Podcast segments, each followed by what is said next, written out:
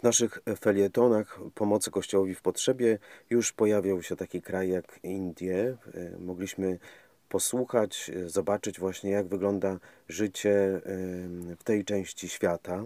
A dzisiaj mamy specjalnego gościa w naszym studio. Bardzo serdecznie witam panią Helenę Pys. Witam również. Znaną księdza. bardzo ambasadorkę Indii i, i, i bardzo zaangażowaną właśnie w misję tam, na tym miejscu. Pani doktor, bo tak trzeba się zwracać, e, chciałbym zapytać, e, jak zdrówko? Dziękuję. Y, no właśnie do Polski przyjeżdżam głównie po to, żeby troszkę podreperować stan zdrowia, jako że wiek już przekroczyłam emerytalny kilkanaście lat temu, y, ale ponieważ praca jest ciągle potrzebna, więc wracam, ale żeby podreperować troszkę, to tu przyjeżdżam. Dodajmy jeszcze, że dla naszych e, słuchaczy, że pani doktor jest prawdziwym doktorem, czyli lekarzem tak. i w ten sposób pełni swoją misję, nie tylko chrześcijańską, ale przede wszystkim humanitarną tam w Indiach. Jak długo już? Na misję? No, minęło już mi 30 lat y, pobytu w tym jednym ośrodku, w ośrodku dla trendowatych, rehabilitacji trendowatych. Zresztą kontynuuję pracę polskiego misjonarza, y, rzeczywiście misjonarza po księdza, Palotyna, który był również lekarzem. On rozpoczął to dzieło, założył ośrodek, y, który miał być domem dla trendowatych, jest domem dla trendowatych. No i ja to po prostu tam w 1989 roku, niestety już po jego śmierci, pojechałam. Y, i trzeba było się zaadoptować do tego miejsca. Czy długo ta adaptacja trwała? No, ja uważam, że zostałam rzucona na głęboką wodę i trzeba było od razu we wszystko wejść. Y, nie było lekarza, y, zatrudniano lekarza z zewnątrz, który kosztował tak dużo, że y, zaledwie dwa razy w tygodniu przyjeżdżał. Mieszkańców było 220 osób na miejscu. Y, no, a to codzienna orka, plus y, przychodnia przyjmująca z zewnątrz pacjentów dwa razy w tygodniu, plus jeszcze jedna przychodnia dojazdowa, no to trzeba było to po prostu zacząć robić, aczkolwiek przeszkodą był i brak znajomości języka miejscowego, bo angielski tam nie funkcjonuje, jak i no, brak medy znajomości medycyny tropikalnej, bo tak naprawdę o trądzie to ja tylko słyszałam. Właśnie powiedziałam, że niestety po śmierci księdza Adama, bo ja zgłosiłam się, kiedy jeszcze żył, wiedziałam, że jest y, ciężko chory. Czyli on był jakby nauczycielem. Tak? Właśnie chciałam, żeby był nauczycielem, mhm. tymczasem y, tak długo potrwały formalności, że on odszedł do Pana, a ja przyjechałam na jego byłam miejsce. sama, na jego miejsce, byłam sama. No nie zupełnie, bo nie mogłam y, przecież być również kapłanem, ale tej funkcji sprawować, ale lekarską funkcję tak objęłam całkowicie. I tak jest do dzisiaj. Tak. W tym ośrodku też pracował e, jako wolontariusz znany polski himalaista już świętej pamięci Tomek Mackiewicz. No tak. Jak długo ta współpraca E, była między wami? Y, przyjechał do mnie na 6 miesięcy, bo na tyle opiewała jego wiza. Chciał być dłużej, więc pojechał na chwilę do Bangladeszu, potem jeszcze wrócił na miesiąc, y, bo tylko taką wizę z kolei dostał, no i musiał opuścić kraj.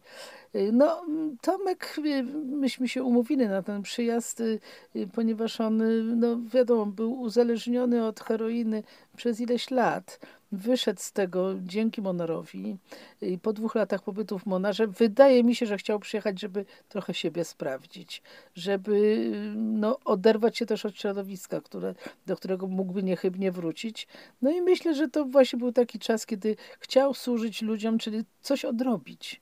Odrobić to lata zmarnowane po prostu na heroinie i, i złych czynach. No bardzo to była fajna współpraca. On w jakimś momencie nawet poprosił o sakrament. O sakrament skorzystał z sakramentu pokuty, chociaż jego angielski był słaby i bał się, no ale mu powiedziałam, że jednak się człowiek sweda Panu Bogu, a nie księdzu. No i rzeczywiście z księdzem cierpliwym jakoś tam to załatwili. Korzystał z sakramentu w tym czasie, kiedy był u nas był bardzo dobrym człowiekiem, bo często tacy wpadają y, w nauki. I takie, y, jak, na czym polegała jego praca? Czy on musiał na przykład rozmawiać z nimi? no właśnie nie, z nie tym językiem jest bo... trudno, ale wszyscy rozumieją język miłości. I jego zainteresowanie życiem, y, mieszkał z chłopcami razem, y, zabawy z nimi, gry rozmaite, pomoc y, jakaś tam y, w odrabianiu lekcji, pilnowanie przy posiłkach, przy ubieraniu się, to tak takie ważne, ważne rzeczy, y, bo tak się wydaje, ale my mamy dzieci i młodzież. Dzieci już od piątego roku życia i często potrzebowały po prostu pomocy. Także Także taka męska siła bardzo mi się przydała. Był 6, prawie 7 miesięcy.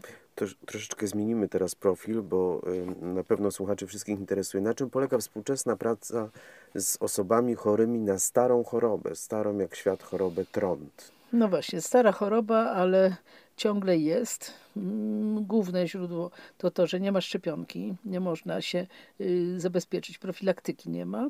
Profilaktyką jest tak naprawdę systematyczne badanie. No, miliard 350 milionów ludzi przebadać, y, powiedzmy sobie raz w roku, to trzeba mieć armię lekarzy, oczywiście nikt tego nie robi, ale y, no właśnie, walka jest prosta, bo są leki w momencie, kiedy się wykryje. Natomiast problemem największym jest to, że pacjenci się zgłaszają za późno. Bojąc się ostracyzmu, nadal coś takiego jest w tamtym społeczeństwie. Są uważani za ukaranych przez bogów albo za własne czyny, albo w poprzednim wcieleniu zawinili i tak dalej, i tak dalej. To są wszystko mity. To jest zwykła choroba zakaźna, którą można zwalczyć antybiotykiem i sulfonamidami, no tylko trzeba się zgłosić y, odpowiednio wcześnie, kiedy są pierwsze objawy, co jest rzadkością, chociaż czasem wykrywamy przypadkowo przy okazji zupełnie innych schorzeń. No i leczyć się wystarczająco długo i systematycznie, co też jest trudne w tamtym społeczeństwie, bo nie ma świadomości choroby. A jaka właśnie jest mentalność e, nie tylko chorych, ale w ogóle mieszkańców Indii. Z pacjentem jest trudno, bo on uważa, że jak go coś dotknęło, ma taką karmę, to na to się trzeba zgodzić. I w ogóle tak się myśli. Samo przyszło, samo pójdzie. Dużo jest mitów i, i takiej niechęci nawet do, do zmiany swojej, swojej sytuacji. Jeżeli pokornie zniosę swój los, swoją karmę, to w przyszłym wcieleniu będzie mi lepiej. To jest hinduizm. I tak naprawdę mm, tam zbuntować się przeciwko czemuś nie można, ale też niestety ogranicza się to leczenie. Ach, nic takiego. I bardzo często pacjenci przychodzą w tak zaawansowanej chorobie, nie myślę tylko o trądzie, innych chorobach też, że już nie można pomóc. Czy trąd dotyka tylko najniższą kastę dalitów, czy, czy też... Nie. nie, nie, nie ma takiego podziału. To jest bakteria, która może atakować wszystkich, z tym, że ludzie bogatsi, ludzie ma bardziej majętni, lepiej się odżywiający, zwyczajnie, mają wyższą, lepszą odporność na wszelkie choroby, również na trąd. Y, a poza tym no, przebywanie y, między kastami, ludzie się tak y, często nie kontaktują, także no, przebywanie z tymi, którzy już są zarażeni, czy właśnie żyją na poziomie ubóstwa, no, grozi właśnie tym zakażeniem, a w innych środowiskach mniej. Czy praca lekarki i praca misjonarza to jest to samo według pani doktor? Czy to jest coś innego? Jest jakiś podział pomiędzy taką opieką duchową a, a fizyczną, lekarską? Ja myślę, że tak y, popularnie to myśli się o misjonarzu takim, który wychodzi i głosi. Y, prawda? Czy to z ambony, czy, czy na ulicy. Y, misjonarz to ktoś, kto niesie słowo przede wszystkim. No, mnie tak nie, nie należy określać, ponieważ ja oczywiście dzielę się i mówię wtedy, kiedy ktoś tego ode mnie oczekuje. Natomiast główną moją pracą to jest właśnie pomaganie chorym na, na każdym etapie. Jak, jakaś opieka nad dziećmi, bo mam bardzo dużo dzieci. No, w, podrywach mieliśmy nawet do 400 mieszkających na stałe, znaczy na, na 10 miesięcy roku szkolnego. No to, to, to, to są moje zajęcia. A przy okazji, kto zobaczy Pana Jezusa poprzez moje działanie, no to, no to zobaczy. Jeszcze nie mogę się oprzeć y, y, jednej sprawie, mianowicie czy, czy ten Mm, ikona e, świętej Teresy z Kalkuty jest cały czas żywa w Indiach. Tak, Czy tak? to można powiedzieć. Jest to jednak największa święta w tej chwili indyjska, chociaż mają już te swoich własnych. Jednak ona też jest ich własna, bo pracowała prawie całe życie w Kalkucie. I rzeczywiście jej siostry są rozsiane po całych Indiach i pełnią tyle posług wobec najbardziej potrzebujących, że rzeczywiście jest znana, wielbiona, czczona. Pani Heleno, Pani reprezentuje Instytut y, Prymasa Wyszyńskiego tak. y, jako osoba konsekrowana tak. i jednocześnie właśnie misjonarka. Y, czy Wasz Instytut tam reprezentuje tylko jedna osoba, czyli Pani, czy też jest więcej współsióstr, współ mieszkań, y, mieszkańców? No nie, jestem ja tam sama, w ogóle jestem jedyną Europejką na stałe. Odwiedzają mnie tylko wolontariusze i jacyś goście. Y, mój instytut zaangażował się w Polsce y, w pomocy temu ośrodkowi, to znaczy no właśnie, tak to jakoś powstało. Nie mogą pomóc wszystkim trendowatym, ale przeze mnie pomagają niejako A wszystkim. jak słuchacze mogliby pomóc? Pomóc można przez wsparcie finansowe i modlitewne, które jest dla nas też bardzo ważne, dla mnie osobiście. Zaglądając na Waszą stronę. Tak, na naszej stronie są wszystkie informacje, można przez adopcję serca, przez wsparcie innych funduszy, ale modlitwa naprawdę jest y, ponad wszystko i o to serdecznie proszę, jeżeli ktoś y, weźmie to do serca i czasem zmówi zdrowaś Mario, czy jakąś inną modlitwę, wesnie do Pana Boga w naszych intencjach, to będzie bardzo, bardzo dużo. Ostatnio właśnie w mediach e, pojawiły się też niepokojące takie wiadomości, że gdzieś został pobity chrześcijanin w Indiach w jakimś stanie i są, no, są jakieś nadużycia właśnie ze strony władzy. E, Teraz też wygrała nacjonalistyczna partia, partia wybory, a więc ten, no ten, ta otwartość, demokracja jednak nie, nie ma takich wymiarów, jak powinna mieć. Natomiast wy realizujecie jednak swoje zadania.